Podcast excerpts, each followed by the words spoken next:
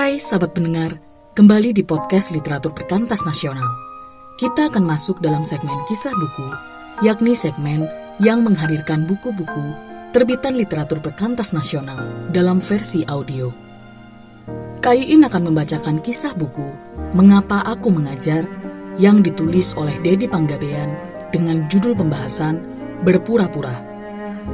Sahabat pendengar, selamat menikmati kisah buku ini. Berpura-pura Manusia mengerti dengan jelas kepada siapa dia sedang berhadapan.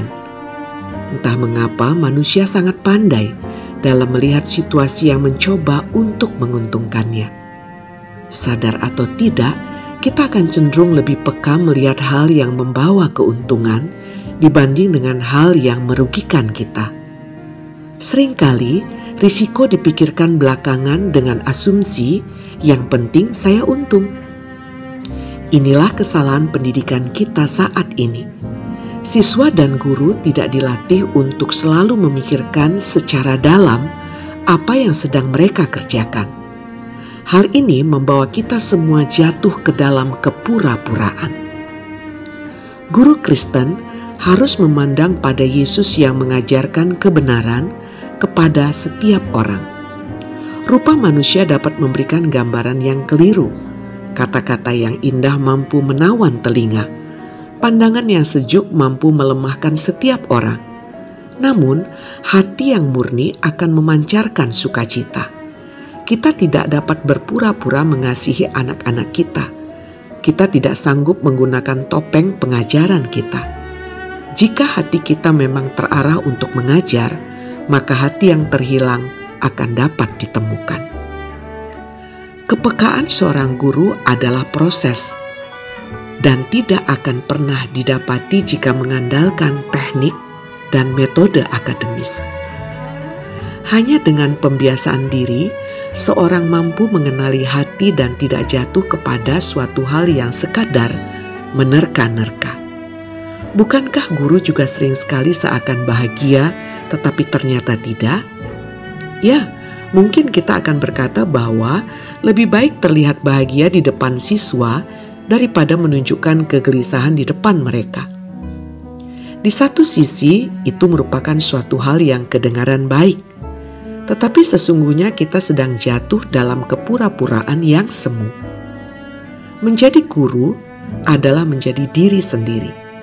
Inilah keunikan dari guru Kristen sebab kita dapat menuangkan pengalaman, bahkan diri kita, kepada murid kita.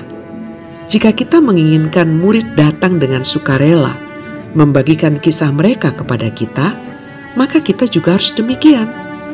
Sebagai guru Kristen, keterbukaan adalah modal utama kita untuk menyentuh hati murid kita. Mengantarkan setiap orang pada kebenaran harus berdasarkan pada kebenaran mengantarkan orang pada kesesatan, melakukannya dengan kebohongan. Tentu, setiap kita mengetahui secara jelas bahwa kita bertujuan untuk membawa murid ke dalam kebenaran.